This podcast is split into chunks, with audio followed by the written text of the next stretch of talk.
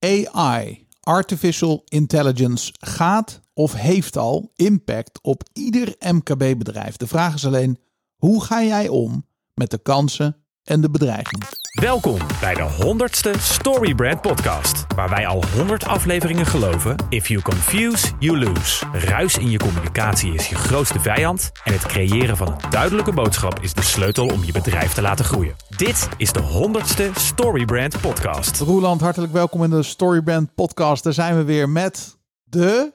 Honderdste aflevering, Daan. Het is gewoon zover. Kaboom! Daar hangen je slingers. Ja, We hebben taart, we hebben confetti en we hebben een hele bijzondere gast om deze honderdste aflevering met ons te vieren. ja, fantastisch. Carlo van Liende. Ja, leuk. Had je ooit gedacht toen wij begonnen met deze podcast dat we 100 afleveringen zouden maken?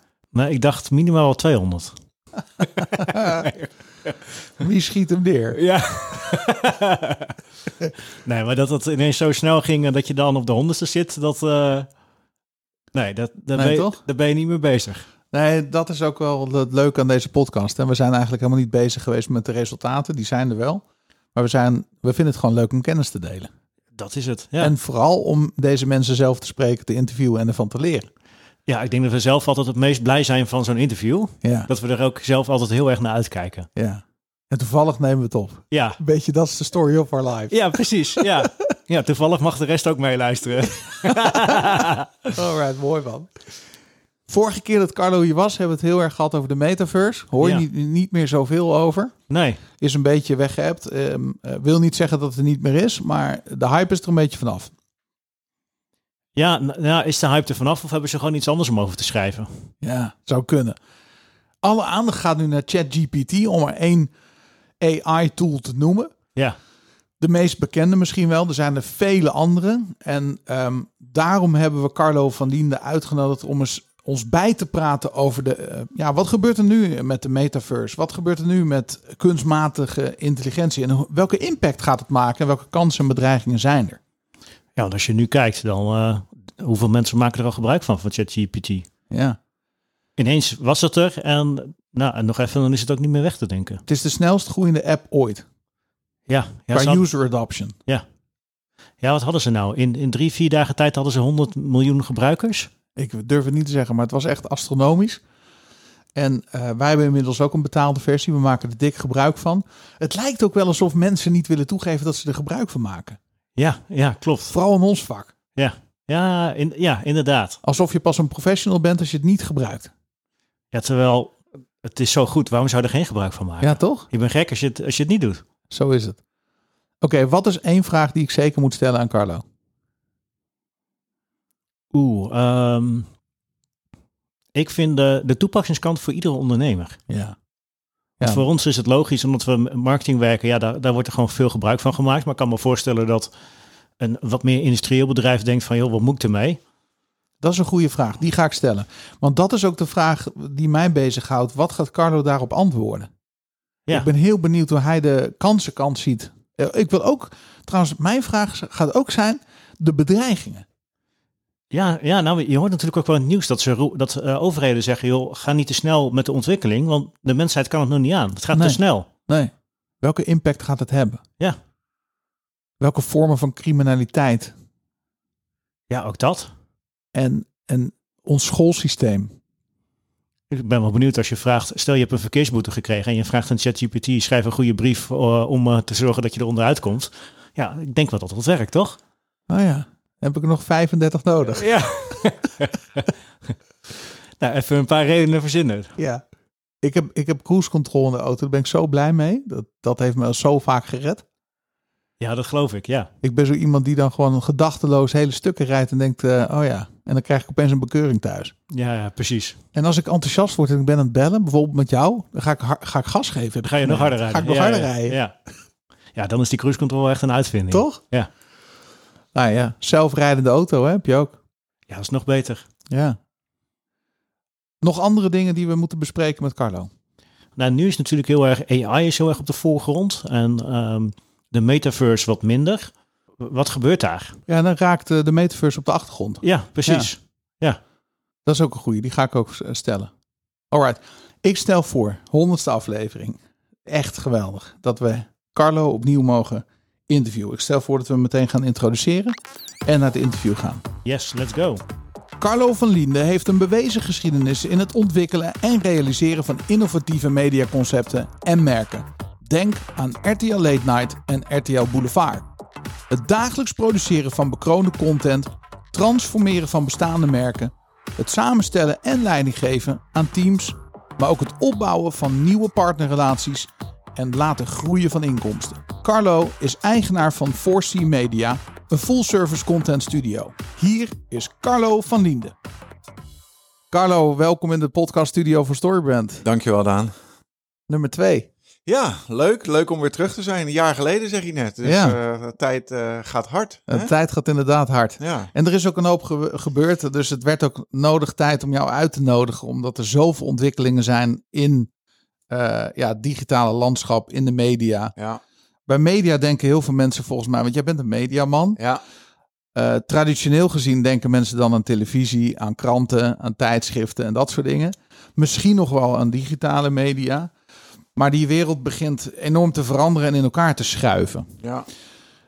De vorige keer dat wij elkaar spra- spraken, hebben we het helemaal gehad over de metaverse. Over de technologie die erachter zit. De blockchain, eh, blockchain eh, technologie. Ehm, ja, je zou kunnen zeggen, toen was ieder, de kranten stonden er vol van. Iedereen had het erover. En nu heeft iedereen het over ChatGPT.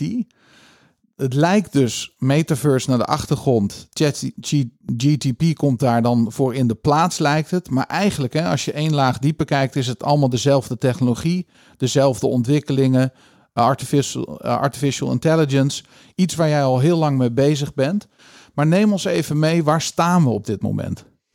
Wat is er veranderd in een jaar tijd? Ja, er is eh, enorm veel veranderd. Kijk, eh, ik denk dat eh, metaverse, daarvan kun je absoluut zeggen dat was een hype. Hè? En een hype kenmerkt zich natuurlijk altijd door een hele snelle piek in, in media-aandacht en Ja. ook weer heel snel weg. Ja, En als we nu kijken naar ChatGPT, eh maar met name natuurlijk naar generatieve artificial intelligence, hè, dus zelflerende, maar vooral ook zelfcreërende computers die dus ook content kunnen maken. Hè, Ja. Dus dat is eigenlijk waar je over praat. Ehm, dan is dat geen hype. Hè, dus dat is absoluut een blijvertje. Eh, en ik denk ook wel dat dat in mindset ook wel eh, de verschillen eh, zijn al in de Ja. eerste aanleg.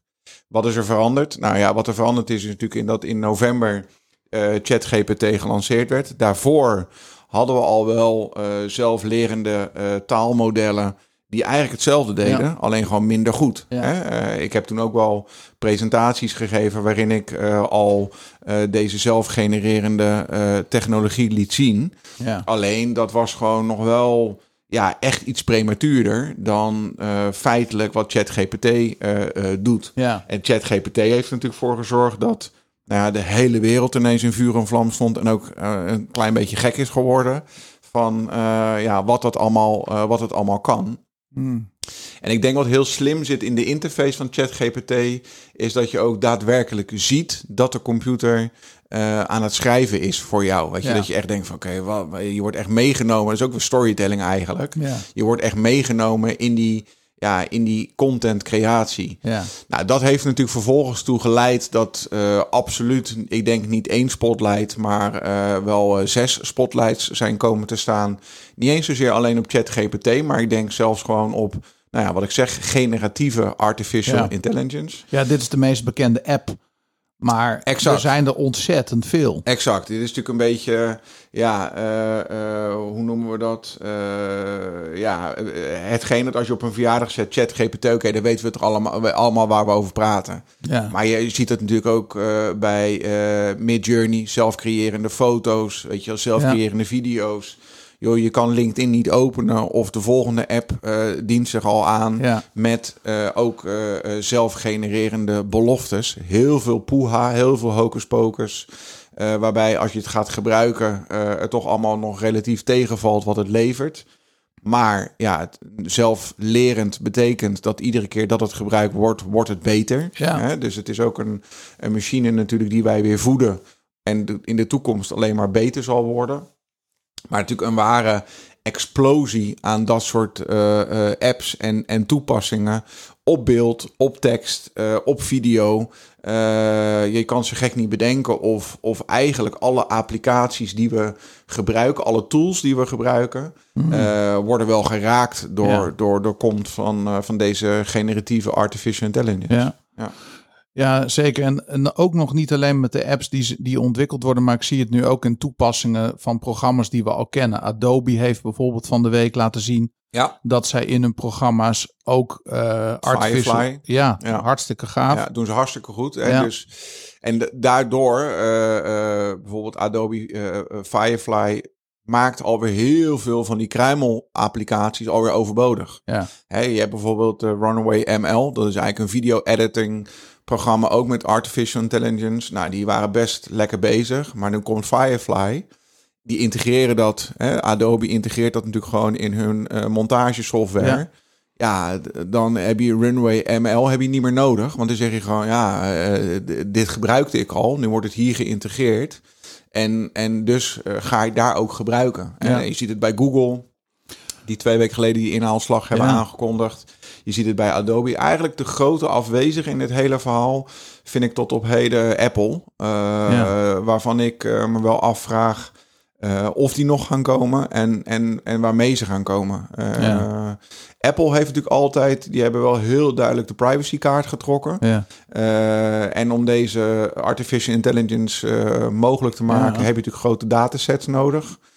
Dus nou ja, het zou leuk zijn als we toch eh, het voor elkaar krijgen bij Apple om nog iets eh, te lanceren waarvan we allemaal weer zeggen: Jeetje, Mina.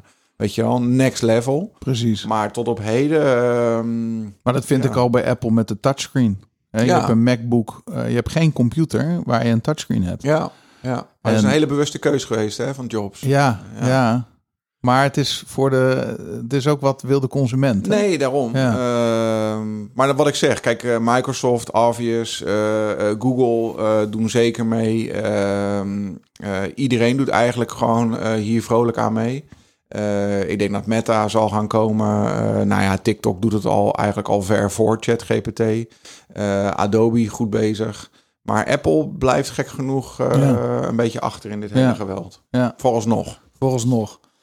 Oké, dus die wereld ehm, die is aan het veranderen. Eh, we zagen dat, eh, we hebben het vorige keer eventjes over gehad, maar misschien nog relevanter is. Er zijn natuurlijk nieuwe cijfers bekend over televisiekijkend Nederland. Eh, het, het wordt. Ik wil ook nog één ding, Ja. sorry dat ik je interrumpeer. Ja. Want we hadden het natuurlijk over metaverse. En Ja. ik zei natuurlijk dat is een hype en die is weg. Mhm. Maar ehm, die is niet weg. Ik denk dat, we hebben het er niet meer over. En die kranten, zoals jij zegt, die staan er niet meer vol van.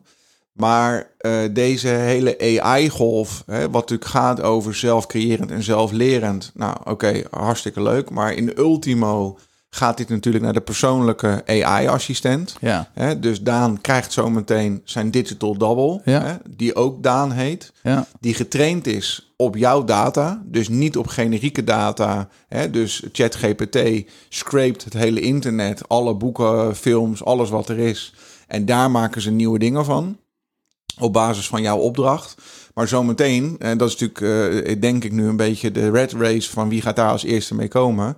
Wie gaat eh, jouw persoonlijke eerste AI-assistant leveren die getraind is op al jouw historische mails, op al jouw apps, op alles wat jij gelezen hebt, jouw storybrandboek, alles, alles, alles. ja, En dan vervolgens maak jij dus een digital double. Hè? Ja. Dus jij maakt ook een fysieke digital double. Dan kom je bij die avatar waar we het over gehad hebben met, eh, eh, met de metaverse.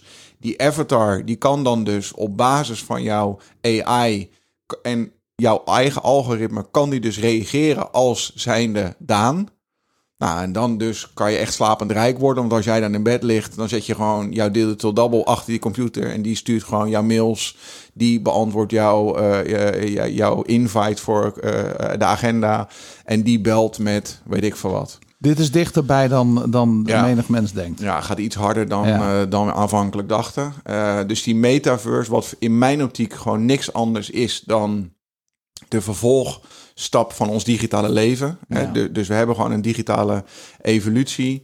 En heel veel mensen denken nog steeds van... ja, maar gaan wij dan met een VR-bril in allerlei virtuele werelden leven?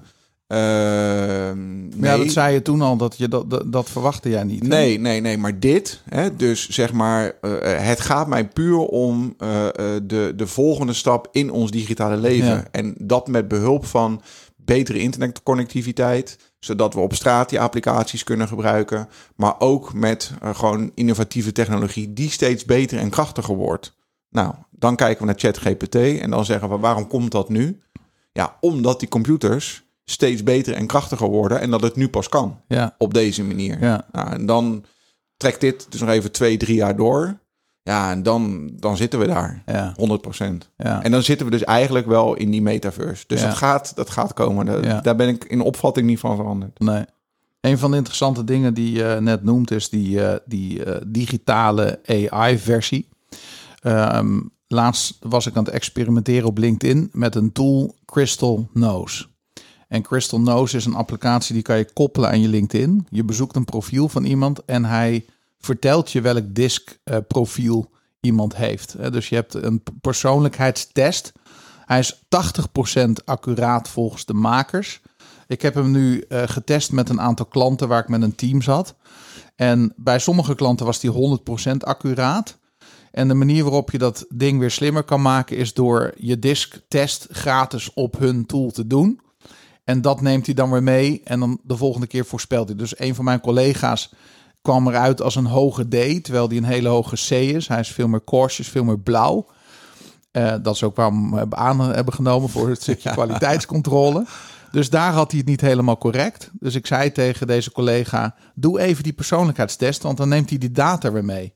Maar het mooie van de tool is dat hij, als ik jouw profiel bezoek en ik zie jouw diskprofiel, ehm, geeft hij in de menustructuur: ehm, ben je met Carlo in gesprek om hem als klant te krijgen? Ja, ja, ja. Praat dan zo. Ja, ja, ja. ja. Wil je mail sturen of wil je hem bellen? Ja, Dan zou ik deze dingen zeggen. En doe dit vooral niet. ja, fantastisch. En dat zie ik ook weer als een stukje intelligence die komt.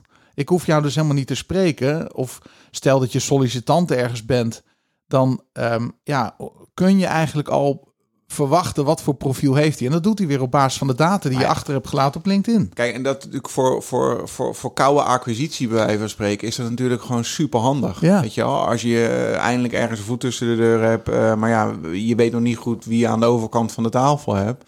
Ja, dat is natuurlijk gewoon hartstikke fijn als Ja. je dan op die manier eh, met iemand in contact kan komen en, en die eerste relatie kan bouwen. Ja, Ehm, tegelijkertijd zeg ik ook hè, voor de mensen die argwanend en, en, en eh, bezorgd zijn over deze ontwikkeling, die we niet gaan stoppen. Eh, regelgeving nee. eh, ten spijt. Maar het feit dat je dus gevraagd wordt van, oh, je doe hier even je, je disktest gratis. Hè, daarmee train je dus dat algoritme. Dus wij zijn dat monster al wel zelf aan het voeden. Klopt. En als je, als je dat nog even iets holistischer gaat bekijken, dan is het eigenlijk insane. Want dan hebben we dus nu eigenlijk een, een decennium achter ons waar wij allemaal massaal eh, selfies zijn gaan uploaden, foto's zijn gaan plaatsen, blogs hebben geschreven om maar zichtbaar te zijn. En eh, weet je wel, eh, dat was natuurlijk helemaal wat we moesten doen om onze brand te bouwen. En al die content en al die data die wij gewoon gratis op het internet hebben geplaatst, die wordt nu natuurlijk gebruikt om dat AI-monster Ja. te voeden. Misschien toch even goed, want we willen het over de kansenkant hebben. Ja. Maar je haalt net eh, de bedreigingenkant aan, de, de, de de argwaan, de zorg. Je hebt eh Mo Gadat eh, geïnterviewd. Ja. En ehm, eh, hij is de schrijver van het boek De Logica van Geluk, heet het in het Nederlands. Ehm, voor zover ik weet en het gelezen heb, hè, na een heftige gebeurtenis in zijn leven. En eh, een van de directeuren van Google heeft hij besloten van ja, maar waar gaat het nou eigenlijk om in het leven? En vervolgens schrijft hij een boek over de gevaren van de tijdperk waar we in leven. Er is duidelijk een gevaar. Jurisprudentie blijft hopeloos achter. Van wie is die data? Eh, kunnen we controleren of het nog echt is? Hè? Misschien wel de meest gestelde vraag van ons, onze tijd is: eh, ja, wie Is kan het nog vertrouwen? Hè? Ja. Is het echt of nep? Ehm, dus hoe, hoe, hoe kijk jij naar die, naar die dreigingen?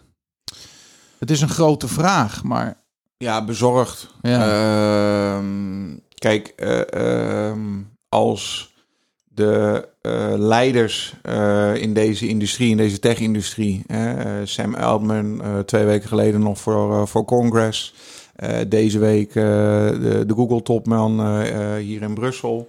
Als de mannen die deze tijd leiden ehm, zelf zeggen van... Hey, wij moeten gereguleerd worden, weet je wel. Ja, ja dat hebben we Mark Zuckerberg nooit horen zeggen die heeft ons ook natuurlijk van al onze privacy beroofd. Maar hield zich enorm van de domme in alle. Exact, exact. En, en daar hebben we allemaal van geleerd. Hè, dus dat willen we allemaal niet. Maar desondanks, kijk, die wetgever die loopt er wel achteraan. Die doet wel zijn best. Hè. Ik bedoel, als je kijkt naar de EU, die zijn al echt uh, lang bezig met een uh, eh, AI-act, uh, eh, die ook gewoon al in place is. Maar ja, daar vervolgens alle dingen die daarin geregeld zijn, ja, die zijn nu, op het moment dat die eigenlijk bekrachtigd moet worden, is die alweer achterhaald. Precies. Ja, de, dus daar ga je. Um, dus zeker een zorg. Als we het hebben over nep-content, misbruiken daarvan, dan gaan we wat betreft criminaliteit een heel ander pad op. groot probleem. Um, vorige week in Amerika in uh, 60 Minutes een, een, een fantastisch mooi voorbeeld van een medewerker van een presentatrice die geïnterviewd werd. Die presentatrice belt die medewerker. Die belde dus niet, dat was gewoon een deepfake. En ja. die zei van, uh, joh, ik heb even mijn creditcard of mijn paspoortnummer nodig. Geef, heb je dat voor me? Ja, natuurlijk. Dat werd opgenomen met die collega gewoon. En later werd zij geconfronteerd met... Ja, maar dat was ik helemaal niet. Dat was, en die vrouw die werd echt gek. Die zei, ja, maar ja, ja, dat kan je dus gewoon niet weten. En ze hebben maar... Een, ja, ze hebben niks nodig. Ze hebben niks nodig. Deze podcast die wij opnemen... Is, uh, is, is potentieel gezien een probleem voor jou en mij. Hè? En dat is gewoon wel wat het is. Ja. Uh, daarom zeg ik, wij hebben dat natuurlijk, dat beest al zelf gewoon wel gevoed. Ja, even heel concreet, als mensen als criminelen um, uh, zoveel seconden van je stem kunnen opnemen, het is echt maar enkele seconden, vier seconden, seconden, drie seconden. Ja dan hebben ze genoeg om jou alles te laten zeggen aan Precies. de telefoon. Kunnen ze doen uh, alsof Daan Carlo belt en vraagt om een creditcard. Geven. Nou, nou hè, dan moet je al op je hoede zijn als iemand daarom credit. Maar als je een relatie hebt. Nee, maar die, die vrouw.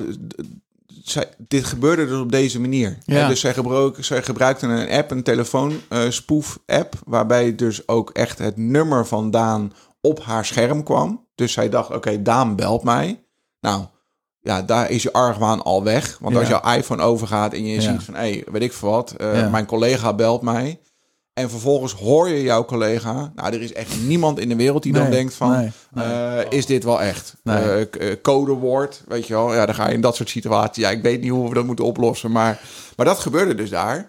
Ja, en die ging er gewoon met boter en suiker in. Ja. En die voorbeelden zijn er ook al met uh, uh, een CEO die een CEO van een bedrijf wil ze hebben overgenomen op vrijdagmiddag belt en zegt je moet nu, nu, nu, weet ik veel wat, uh, drie ton overmaken, want die betaling moet er voor het weekend uit. Die vent die denkt, ja, ik heb mijn CEO aan de telefoon, doe maar. Wauw. En daar gaan ze. Ja, in Engeland, wow. in Engeland gebeurt. Ja. Dit, dit nog even iets groter. Dit is een heel concreet voorbeeld. Nu eventjes iets daarboven.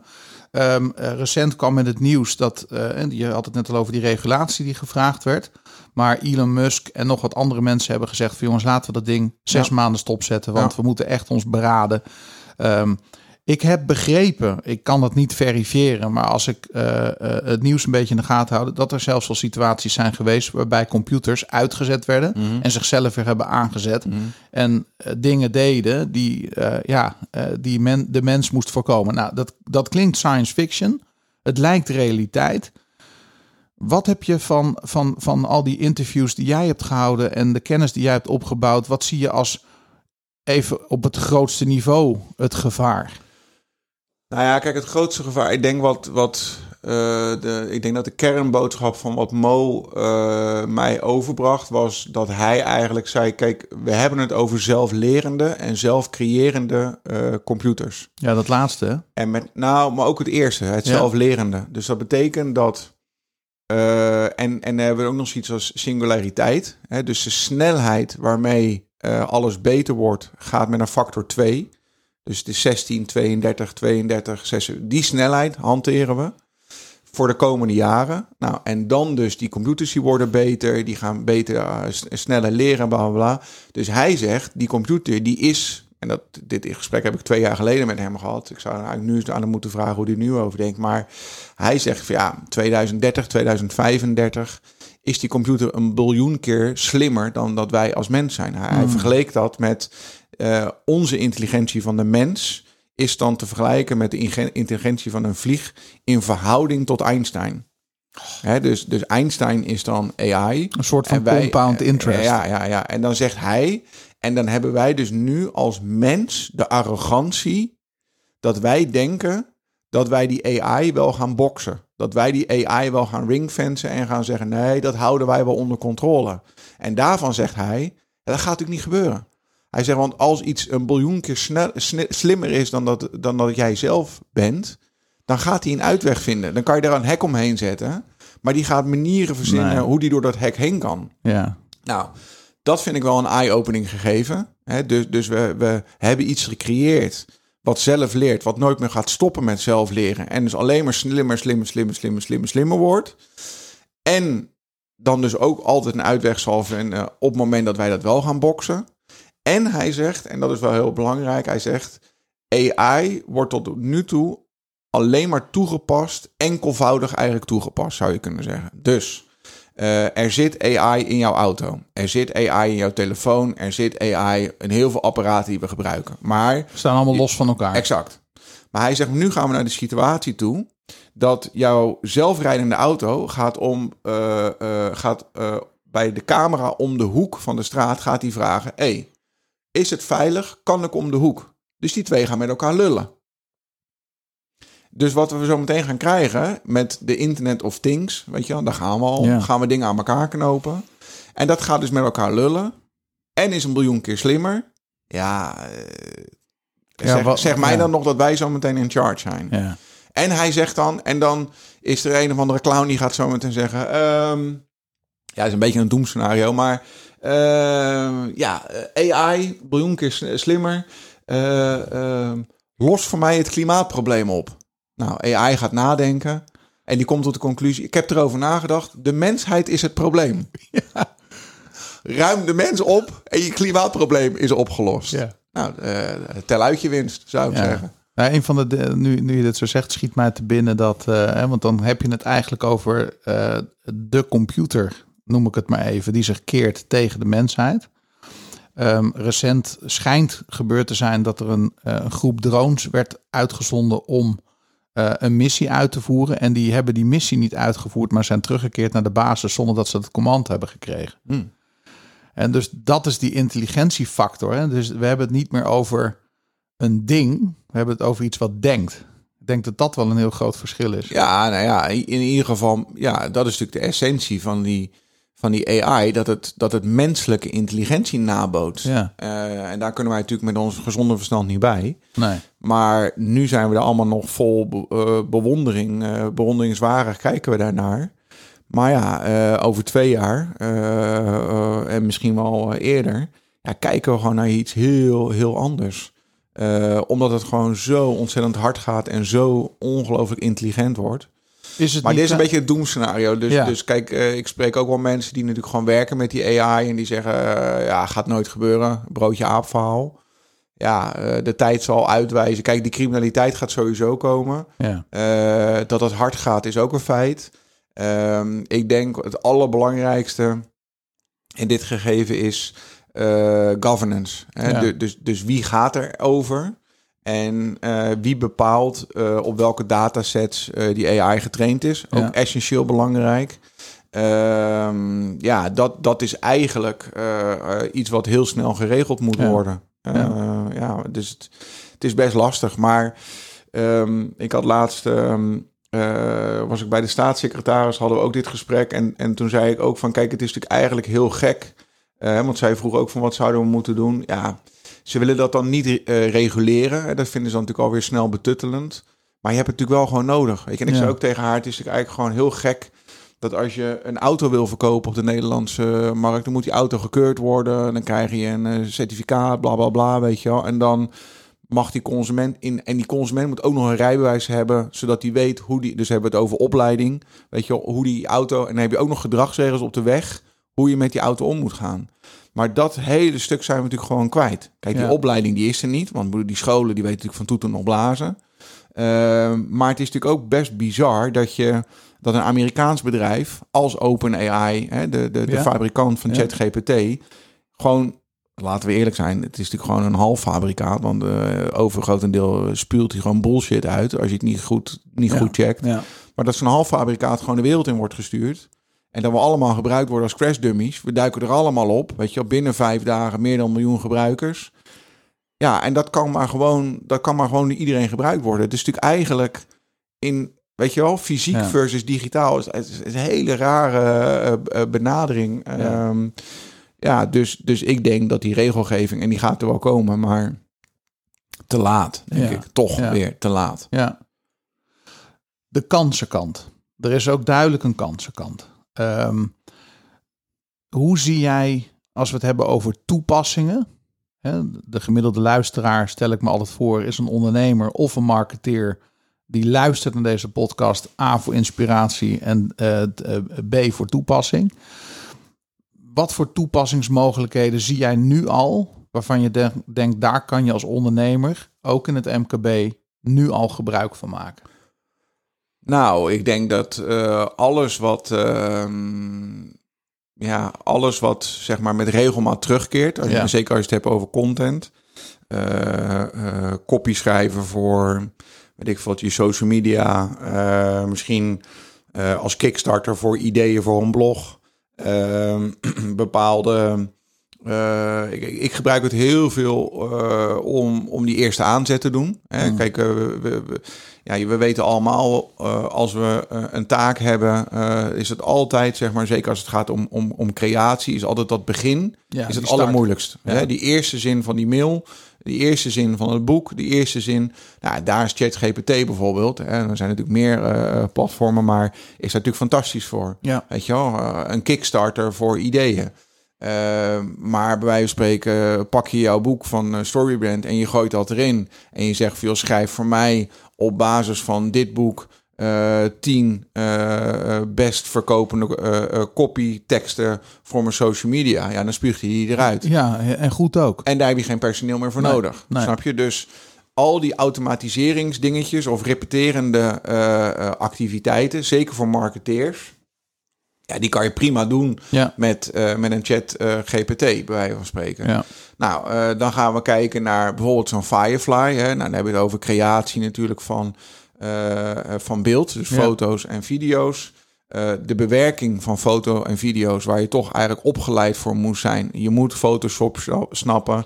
Je moet een Final Cut Pro of een Adobe eh, Premiere, moet je, ja, Ja. daar moet je best wel wat kennis voor hebben. Zeker. Nou, die, die, die, die kennis die verdwijnt. Hè. Dat is eigenlijk ook wel eh, wat eh eh, Eltman zegt, hè, dus de CEO van, van OpenAI. Hij zegt een van de dingen eh, wat hij eh, verwacht dat er gaat gebeuren... is dat intelligence gaat naar een zero marginal cost. Ja.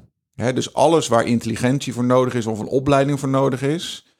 gaat eigenlijk, eh wordt gereden. Ja, dat, Ja. Dat, dat kunnen we zo meteen gewoon door die computer laten doen. Is een biggie, hè? Ja. Is impact, hè? Dat heeft te maken met opleiding, heeft te maken met kennis is macht. Hè? De vraag is dan wel, ehm, die ik dan meteen bij mij opkomt, ik ben benieuwd hoe jij er naar kijkt, is oké, wat is dan intelligentie en wat is dan creativiteit? Nou, creativiteit is denk ik eh, het verzamelen van ideeën of, of dingen die al bestaan, die we eh, opnieuw interpreteren als mens zijn. En daar komt een nieuw idee uit voor. Ja. Kijk, eh, nieuwe ideeën, of echt, die zijn heel uitzonderlijk. Vaak zijn er toch, hebben wij een soort archief opgebouwd van alle Ja. dingen die wij gezien, gelezen hebben. En daar maken we een soort nieuw fabrikaat, een, een nieuwe creatie van. Dus ik denk dat die mens eh, blijft wel belangrijk om richting te geven aan wat willen we Eh, De keuze.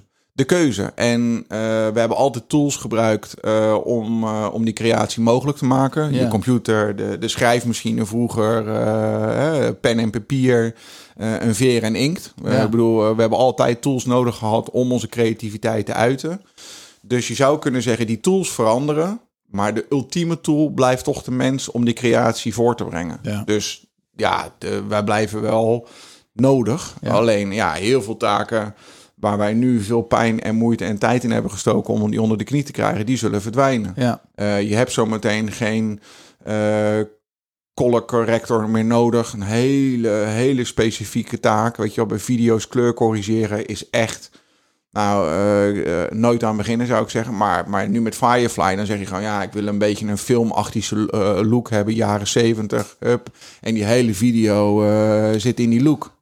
de kennis die we zo meteen nodig hebben is misschien wel hoe we het ding aansturen. Tuurlijk. Hè, want je ziet bij ChatGPT, ik heb me, je had het even over Storybrand, gooi het boek erin en vraag deze, stel deze vragen.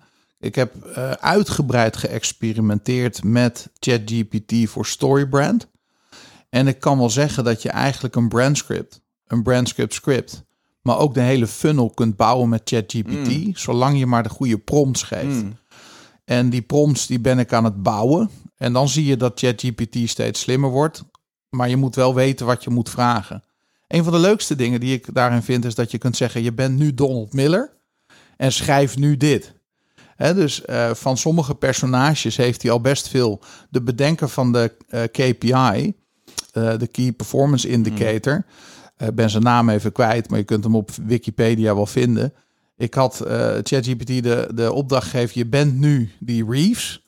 En eh, geef mij de vijf belangrijkste KPI's voor dit type bedrijf. En het was echt eng goed. Ja. Ja. Dus het wordt misschien nog wel belangrijker hoe je hem aanstuurt dan dat je zelf de kennis hebt. Ja, en, en dat is al een nieuw beroep, hè? Dus prompt engineering. Ja, eh, is al een nieuw beroep. Eh, Ja. je- je- er zijn ook gewoon al marktplaatsen waar je prompt kan, kunt kopen. Die, die het gewoon goed doen. Ja, dus er ontstaat ook weer een nieuwe business. ja. Ja. Ehm, even naar marketing. Ehm, ik, ik las een uitspraak eh, in, bij AdWorld. En die vond ik wel heel mooi. Ehm, eh, artificial intelligence gaat ehm, eh, de, de marketeer niet vervangen. Maar de marketeer die AI gebruikt, gaat wel de marketeer vervangen die het niet gebruikt. Ja. Zouden we kunnen zeggen dat in beroepsgroepen dat nu aan het gebeuren is? Het wel of niet omarmen van de nieuwe technologie? Ja, nee, absoluut. Als je het niet gebruikt, dan eh, ben je en knokendom. Want eh, dan zit je gewoon echt eh, geld weg te spuiten en uren te verbrassen die doodzonde zijn, zou ik zeggen. En ik denk ook nog eens een keertje dat daarbij de marketeer die het gebruikt... Ik denk dat je vooral moet zoeken, hè, als je gaat kijken naar wat is dan nog de toegevoegde waarde... Kijk, een marketeer is in wezen in staat om een boodschap te verpakken in een social media copy of in een Ja. direct mail of op een website.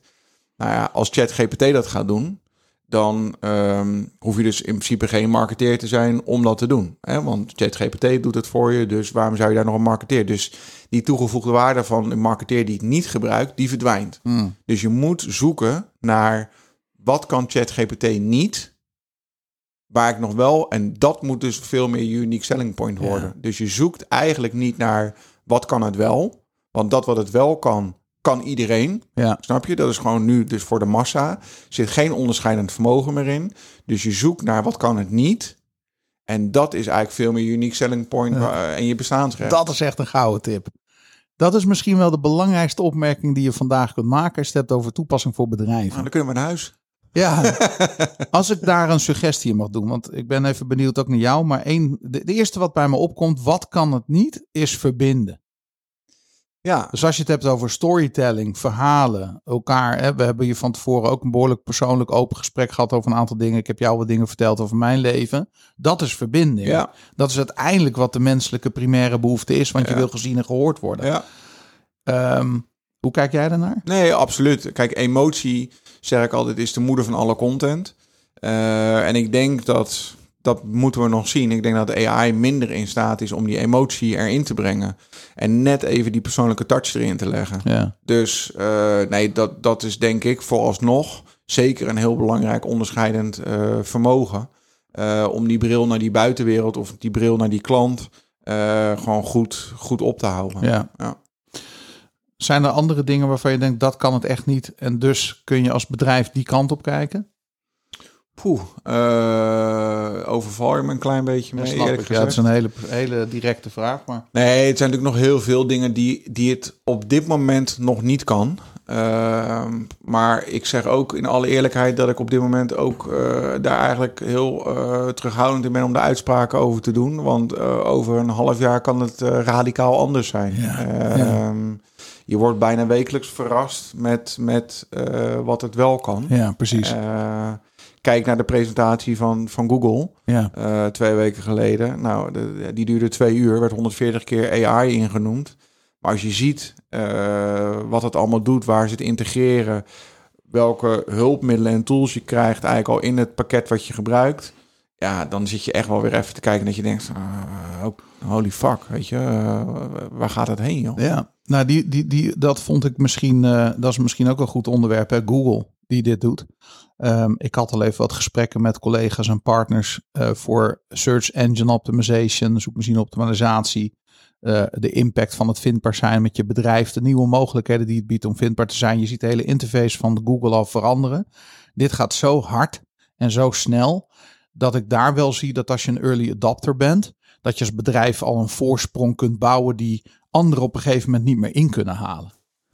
Nou, uh, kijk, SEO is natuurlijk uh, van cruciaal belang. Ik denk, ja. uh, een marketeer is dat natuurlijk gewoon bijna een dagtaak. Ja.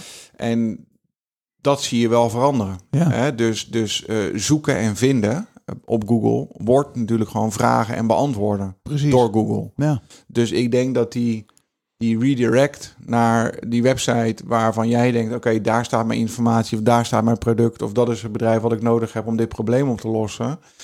Dat gaat in uh, heel veel gevallen gaat dat denk ik verdwijnen. Of ik denk dat je die traffic vanuit Google uh, Search dat die ernstig zal gaan afnemen. Waardoor ook dus heel veel ondernemers, zeker heel veel mediabedrijven, en want nieuwsuitlets zijn daar mega afhankelijk van.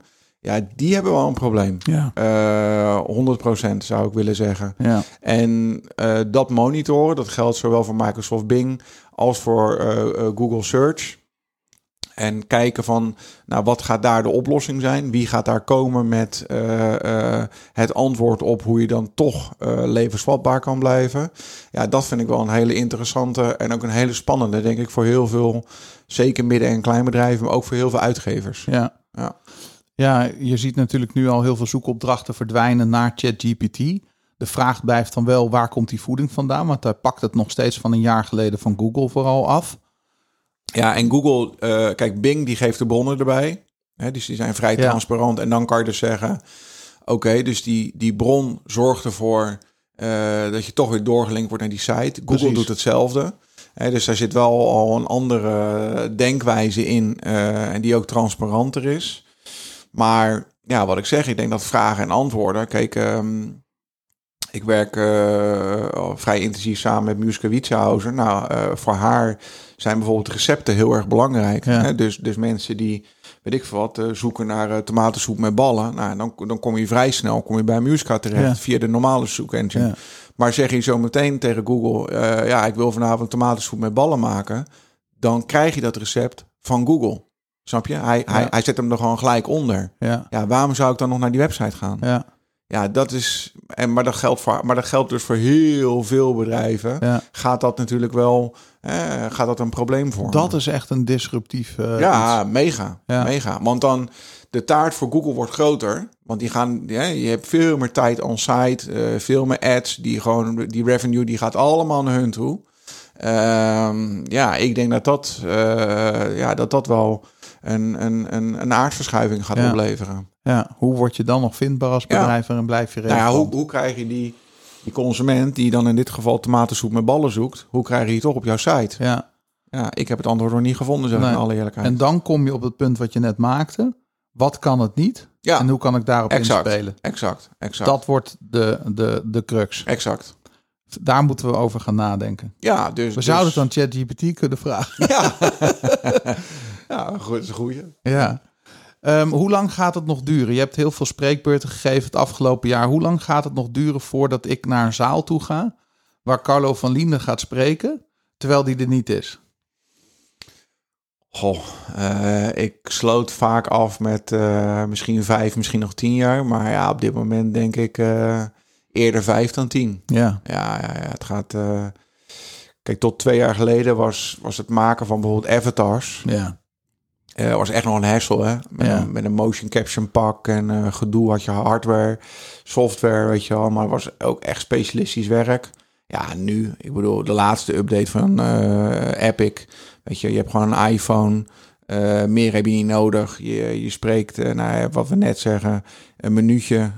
spreek je iets in, een scriptje op die iPhone. Ja. En ze hebben het daar live on stage. Weet je, ze stonden dat vol te lullen. Anderhalf, twee minuten. En er was een avatar die op allerlei manieren, weet je, als je eenmaal in de computer zit, ja, dan kan je er alle avatars optrekken die je maar wil. En Ja. dat was flawless. Dat was echt insane. Ja, dat gaat nu zo ongelooflijk hard. Ja. Dus ja, ik denk dat je, ehm, ja, pff, ja, ik ik kan me daar geen voorstelling van maken eh, waar we over vijf jaar zijn. Dat is bizar, hè? Ja, Dan Ja. kun je misschien wel straks in vijf verschillende theaters tegelijkertijd spreken, terwijl je gewoon eigenlijk aan het werk bent aan een ander project. Kijk, eh, en als ze ook allemaal gewoon afrekenen, dan zeg ik Daan, ja prima. Ja, toch? Het was gewoon een goede werkdag. Ja, Ja. ja. misschien moeten ze wel meer gaan betalen, omdat die avatar gewoon nog sneller is. Nee, ja, Nee. goed. Ja, ik weet niet, misschien, is, die, misschien is, is daar juist ook wel die menselijke connectie alweer heel belangrijk. Ehm, Ik denk dat we die maar- echt onderschatten in het hele verhaal. Ja, zeker. Ja. Ik denk, denk, denk, denk de menselijke interactie. Eh, maar kijk, de opkomende generatie is ook wel weer een beetje, eh, ja, ook wisselvallig. Hè? Die zijn ook wel weer eh, aan de ene kant een stukje schuwer. Aan de andere kant zie je ook weer dat ze die live events weer veel belangrijker vinden. Ja, Dus het ligt vooral aan die generatie uiteindelijk waar het naartoe gaat. ja. En, en hoe we daarmee omgaan, weet je wel. Dat vind ik nog een interessant om misschien mee af te sluiten, Carlo. Het generatiestukje. Mhm. Kijk, ik wil graag even twee dingen aan elkaar koppelen. Ik zie in hoogconjunctuur en laagconjunctuur zie je ook een verschuiving tussen ik heb klanten nodig of ik heb personeel nodig. mhm. De vraag die wij steeds vaker krijgen: hey, ik heb eh, eh, eh, mensen nodig. Heel veel bedrijven hebben op dit moment meer werk dan dat ze aankunnen vanwege de verschuiving in de arbeidsmarkt. Ehm, we krijgen nieuwe generaties op de, op, de, op de vloer. We hebben er ook al mee te maken gehad. Het is echt wezenlijk anders. Eh, een, een mega mindshift eh, heeft dat nodig. Als jij kijkt als mediaman naar bedrijven die misschien nu nog heel traditioneel werken. En we hebben het over die hele nieuwe technologie. We hebben het over multimedia. Op meerdere kanalen tegelijkertijd zijn. Wat zou je dan tegen de ondernemer zeggen die, die ehm, aan de ene kant, de een heeft eh, klanten nodig, hè, leads, prospects, klanten. De ander heeft mensen nodig. Hoe kan je deze technologieën voor je laten werken om mensen aan je te binden? Ehm, ja, ik, ik, ik, ik denk dat je sowieso deze technologie eh, moet omarmen eh, om een bepaald personeelsvraagstuk denk ik op te lossen. Hè, Dan heb ik het over automatisering, mensen, talenten gewoon laten doen wat ze eh, meer laten doen eh, dan ze eigenlijk nu, nu doen, omdat gewoon AI zo meteen heel veel werk ook uit handen kan nemen. Ja, dat vind ik een hele mooie. En net zo goed en misschien zelfs wel beter kan. Ja. Hè? Du- Dus, dus dat is eh, één ding. Ik denk dat die jonge generatie, eh, maar dat is altijd zo geweest, die, die je zou kunnen zeggen, schopt een beetje tegen de gevestigde orde aan. Maar die zijn natuurlijk zo digital native, zo tech-savvy, dat op het moment dat je een wat conservatievere, ik zeg altijd een wat, de oud vind ik dan zo denigreren, maar een wat ervaardere eh, eh, top hebt, hè, die natuurlijk toch altijd zegt, nou, we doen het al jaren zo, doe maar niet. Ja, die jonkies zeggen, ja, maar we hebben er ook een app voor. Dus die jonkies een plaats geven aan die tafel, maar ze ook aan het woord laten om aan te horen van, oké, het kan dus ook anders. Weet je wel, dat is, dat is essentieel Ja. eh, eh, belangrijk. Zie je dat al gebeuren in de media? Eh, nou, ik vind het allemaal nog wel heel erg. er zijn. je, ik, ik heb het idee, als ik gewoon kijk naar mijn materies, naar de productiehuizen, eh, dan, dan zijn er wel een paar productiehuizen waarvan ik zeg, daar, daar brandt de lamp wel. Daar, zijn, daar, daar is men wel bewust. Eh, dat er iets moet gebeuren. Dus die zijn wel zoekende. Hè? Ja. Die, die, doen wel, die doen wel ernstige effort en inspanningen om dat te veranderen. Maar ehm, ja, dat, het, het, het blijft natuurlijk toch... Ja, het is ook moeilijk, hè, want de winkel is open. Weet je, je hebt een bepaalde legacy.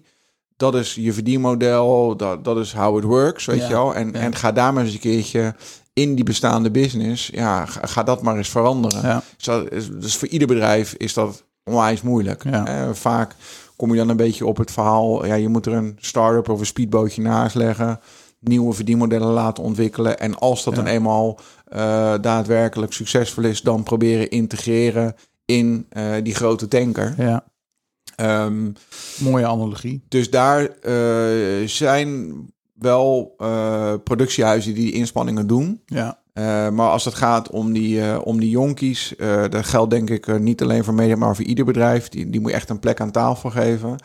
En daarbij geldt ook nog, wat ik zal ik nooit vergeten, dus een verhaal, ik weet, ik heb moet het eigenlijk nog eens verifiëren, maar wat ik ooit gehoord heb, is dat in de rechtspraak, en stuur Daan een mail als het niet waar is, maar ook als het wel waar is.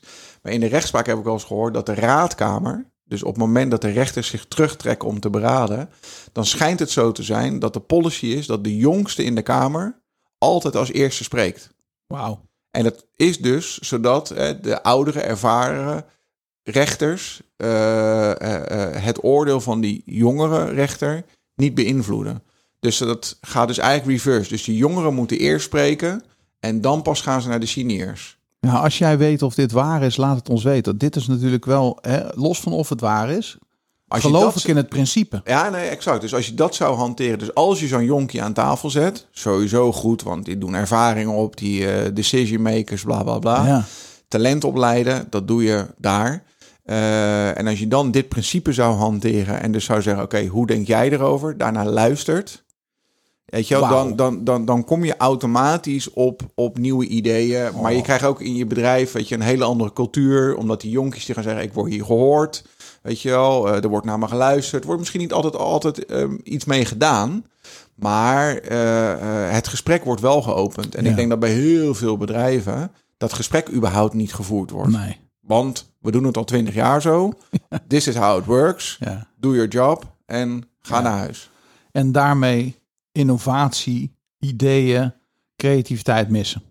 Ja, en ik denk dat eh, als je gaat praten met heel veel medewerkers, eh, dat heb ik de vorige keer ook gezegd bij, bij die metaverse, Ja, eh, heb jij gamers in jouw bedrijf? ja, Nou, ga er eens mee praten. ja. Ik ben geen gamer, maar als ik met ik wil wel weten hoe werkt dat? Ja. Waarom? wat vind je daar? Bla bla bla. Ja. Weet je, welke technologie gebruik je dan om? Wat kunnen we daar nog meer mee? Wat zouden we hiermee kunnen? Ja, dan Ja. kom je echt wel op nieuwe dingen uit. En dan heb je dus iemand die een hobby heeft, een passie heeft, die je dan gaat vragen van, hé, maar hoe zou dit voor ons kunnen werken? Ja. Hè, game technologie, blockchain, idem dito. Zijn er al mensen in jouw bedrijf die crypto's hebben, die al bezig zijn met die bitcoin, die bezig zijn met Ethereum, weet ik veel wat. ja. Nou, la- laat je eens uitleggen en zeg eens van joh, moeten wij daar iets mee of moeten wij daar niks mee? Ja. Nou, op zo'nzelfde manier met ChatGPT of met online marktplaatsen of weet ik veel wat. Er zijn natuurlijk genoeg jonkies die dat nog even als een side hustle erbij doen. Fantastisch. Ja. Laatste twee vragen. Even eh, persoonlijke noot. Eh, die stel ik aan elke luisteraar tegenwoordig. Of elke, elke gast, sorry moet ik zeggen. Ehm, als alle billboards in Nederland een dag van jou zijn. Welke boodschap geef je aan het land? Eh, ja, dat, dat is er dan eentje eh, die ik geleend heb van, eh, van de CEO van Spotify. Maar dat is wel be kind. everybody is on his own journey. Heerlijk. Ja, ja die, Die is is, mooi. wel heel sterk. Ja. Ehm, iedereen zit in zijn leven in zijn eigen fase, in zijn eigen traject, heeft zijn eigen shit. Ehm, Ja. Het is een hele kleine moeite om enige empathie naar elkaar te tonen en ehm, gewoon aardig te zijn. Ja. Eh, je hoeft geen asshole te zijn om je dingen gewoon wel gedaan te krijgen. Dus eh, ja, be kind is denk ik wel eh, wat ik op dat billboard zou zetten. Gaaf man. Ja, we kunnen het gebruiken. Ja. Misschien is het een idee dat ik eens een keer een groot mediabedrijf bel en zeg dat we deze vraag stellen. En dat ze een paar van die billboards elke week beschikbaar stellen. Ja, Dat ja, zou ja, mooi ja, zijn. dat zou goed zijn. Ja, zeker. De laatste vraag die ik aan je heb. eh, jij laat je regelmatig inspireren. Je bent eh, volgens mij iemand die eh, continu bezig is met informatie ook verzamelen en te kijken van hoe werkt het allemaal. Wat is een boek of een documentaire of een, een video of een podcast? Wat is iets wat jij de afgelopen tijd tot je hebt genomen en denkt van wauw, daar zat weer iets in. Dat, of Het mag ook van langer geleden zijn, Carlo. Ja, nou goed, kijk, eh, eh, ik denk dat we het daar de vorige keer ook wel over gehad hebben. Ik ben heel groot fan van Ryan Holiday. Ik Ja. denk dat we dat de vorige keer ook gezegd hebben. Eh, voor mij onomstotelijk zijn drie luik. Ego is the enemy, eh, The obstacle is the way en stillness is the key. Dat zijn eigenlijk zijn drie ehm, ja, fundamentele boeken die zou ik iedereen aanraden. Eh, How to Live the Good Life eh, van B. Irvine. Eh, massive boek. Echt, echt insane. Ehm, ja, dat, dat zijn sowieso boeken die ik absoluut zou, zou aanraden.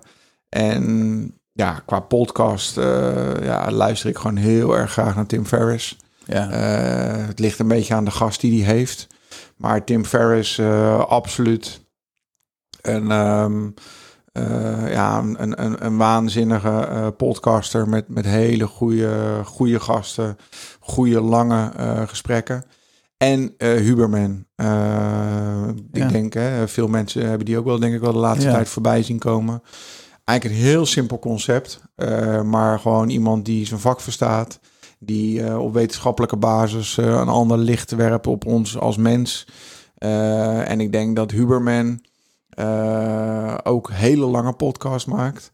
Maar mind-blowing dingen eh, op, op gebied van ja, moleculen, slaap, eh, eh, voeding, eh, longevity. ehm, ja, dat zijn wel eh, echte eye-openers. Ja. Eh, en, en meer dan je tijd waard. Ja. Ja. Kikken. Ehm, Laatste, eh, één, Ja. nu dat je dit zegt. Ja. Hu- Huberman, ik heb ooit Huberman, ik zou moeten opzetten, maar maar dat was met een slaapspecialist en dat zal ik nooit vergeten. Die podcast die begon ongeveer dat die, die slaapresearcher die zei, ehm, ik heb zoveel onderzoek gedaan naar eh, slaap en het belang van slaap, dat als ik zie hoeveel activiteit er in ons lichaam en in onze hersenen plaatsvindt op het moment dat wij slapen, toen zei hij, ik durf de stelling wel aan dat onze natuurlijke staat van zijn slaap is en onze onnatuurlijke slaap van, van zijn eh, eh, wakker is. Dus hij zegt, ik, ik bedenk dat wij uit onze natuurlijke, nou, hij zei het iets anders, maar uit onze natuurlijke habitat worden getrokken op het moment dat wij geboren worden. En dat wij weer terugkeren in onze natuurlijke staat van zijn op het moment dat wij overlijden ja. mind-blowing gamechanger over hoe wij naar het leven kijken, naar het belang van slaap en eh, dat, dat, it, it- dat, dat draait gewoon alles 180 graden om. Moet je nagaan. En die podcast die duurt geloof ik 2,5 uur en het gaat over koffie, waarom wel, waarom niet, eh, eten, alcohol, Hmm. eh, alles. Maar die gozer die begon hiermee, dan dacht ik, oké, oké, what the fuck. Ja, gewoon- dit is, dit is zo 180 graden ja, anders. ja, ja. En dan heb je de ondernemer daar tegenover die zegt: Ik zie slaap als een noodzakelijk kwaad. Nee, maar, maar, maar rust. Ehm, ik weet niet of we daar de vorige keer over gehad hebben, volgens mij wel. Ja, Vanuit jouw topsport, eh, Precies. Stre- zeker. stress eh, plus rust is groei. Ja. En, en we hebben stress, dus het, het, het verleggen van grenzen, eh, doortrekken, net even, terwijl dat je al naar de kloten bent, toch nog wel even, even doortrekken. 100% belangrijk Ja, om het verschil te maken. ja, Uh, maar daarna heb je ook wel die periode van rust nodig. Moet je het ook los kunnen laten. Moet je ook op vakantie kunnen gaan. En moet je ook kunnen zeggen, alles uit. Want dan groeien, dan krijg je een nieuw perspectief. Dan eh, komen die nieuwe Ja. ideeën. En dan kan je weer vooruit. ja. Dus iedereen die zegt dat hij in zijn leven op zoek is naar balans, dat is niet waar. Dus echt, je, je bent niet op zoek naar balans. Ja, of je, je moet op zoek, je moet uit het leven willen stappen. Want balans. Hij, hij, blijft, hij blijft. Ik maak nu even een beweging van boven naar ik- beneden. Ik, vergelijk het met de ECG-monitor in het ziekenhuis. Het is op en neer. Dat is Ja. het teken dat we in leven zijn. ja. En op het moment dat die horizontale lijn in het ziekenhuis te zien is, is dan, dat is balans. Ja. Ja, dan je, kan je absoluut zeggen, ik ben in balans. Maar ja, dan weten we ook allemaal wat, het, eh, wat Ja. er naast staat. Er staat er gewoon nul. Dan nul, ben je terug nul naar je, resultaat. ja, ben je terug naar je oorspronkelijke staat. Ja, dan ben je terug, ben je terug bij af. Ja. Schitterend. Ehm, dit was de honderdste aflevering van de Storyband podcast. Gefeliciteerd. Ja, dankjewel. Ja. En ook super dat jij mijn gast bent Ja, bij de nou, eh, aflevering. dat ik ook als gewoon bij een honderdjarige eh, eh, op de koffie ben geweest deze ochtend. Is toch fantastisch? Ja, ja. Super. Onwijs bedankt Carlo voor de waarde die Jij je hebt gegeven. En eh, tot ziens. Tot ziens. Roeland, dat was het interview met Carlo van Liende. Yes. Ik, Ja. ik heb mijn woord gehouden. Ik heb de vraag gesteld die je zei. Ja. Wat vond je van die kansenkant? Nou, daar heeft hij natuurlijk helemaal gelijk in. Dat juist het menselijke stuk, eh, stuk eh, wat mensen uniek maakt, dat gaat nooit een robot overnemen. Dus hoe wij met mensen omgaan, het sociale stuk. eh, ja, als robots zo slim worden, dan eh, denk ik dat we, dat we nog een paar honderd jaar verder zijn. Ik vraag me af of dat ooit gaat lukken. Mooi is dat, hè? En ja, dus eigenlijk hoeft ook niemand bang te zijn dat hij zijn baan kwijtraakt Nee. op dat soort fronten. Want dat, dat, dat stuk blijft altijd. Ja, dat vind ik ook wel inter- interessant aan, aan ehm, deze hele discussie over die robotisering van de maatschappij. Heel veel mensen zijn bang en we gaan het zo nog wel even over die risico's hebben. Maar die kansenkant is dat de menselijke maat alleen maar belangrijker gaat worden. Dus het onderscheid wordt duidelijker. Nou, precies. Ja. Ja, en nu was ik laatst was ik dus eh, in, eh, in, in Apeldoorn bij de, een stoomtrein kijken. Nou, als je ziet hoeveel mensen ze daar nodig hebben om zo'n ding te laten rijden en waar alles nog met de hand ging, dat je denkt, joh, dat kan je bijna niet voorstellen. Dan, de, wereld is daar uiteindelijk alleen maar beter van geworden. Ja. Dus voor alles wat nu, eh, waar eh, een, een, een nieuwe robot de oplossing voor is, daar komt iets anders voor in de plek. ja. En als je dan onthoudt dat altijd die menselijke factor, die valt niet te vervangen, dan is er altijd wel wat. Ja.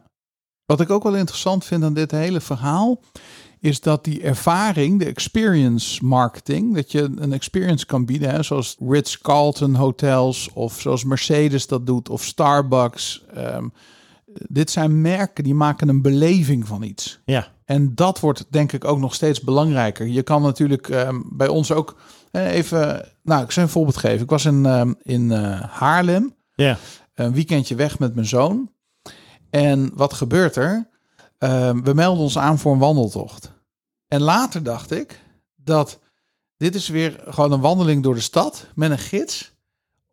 Dit had je veel beter kunnen verkopen voor veel meer geld. Als je, er- als je van tevoren duidelijk had gemaakt wat voor unieke ervaring dat geeft. ja, precies. Maar ze hebben daar niets van verteld. Het is even een mondeling verhaaltje van een mevrouw bij de Tourist Information Point. Maar dat wordt ook een belangrijke. Dus de verbinding die je kan maken en de experience die je kan geven.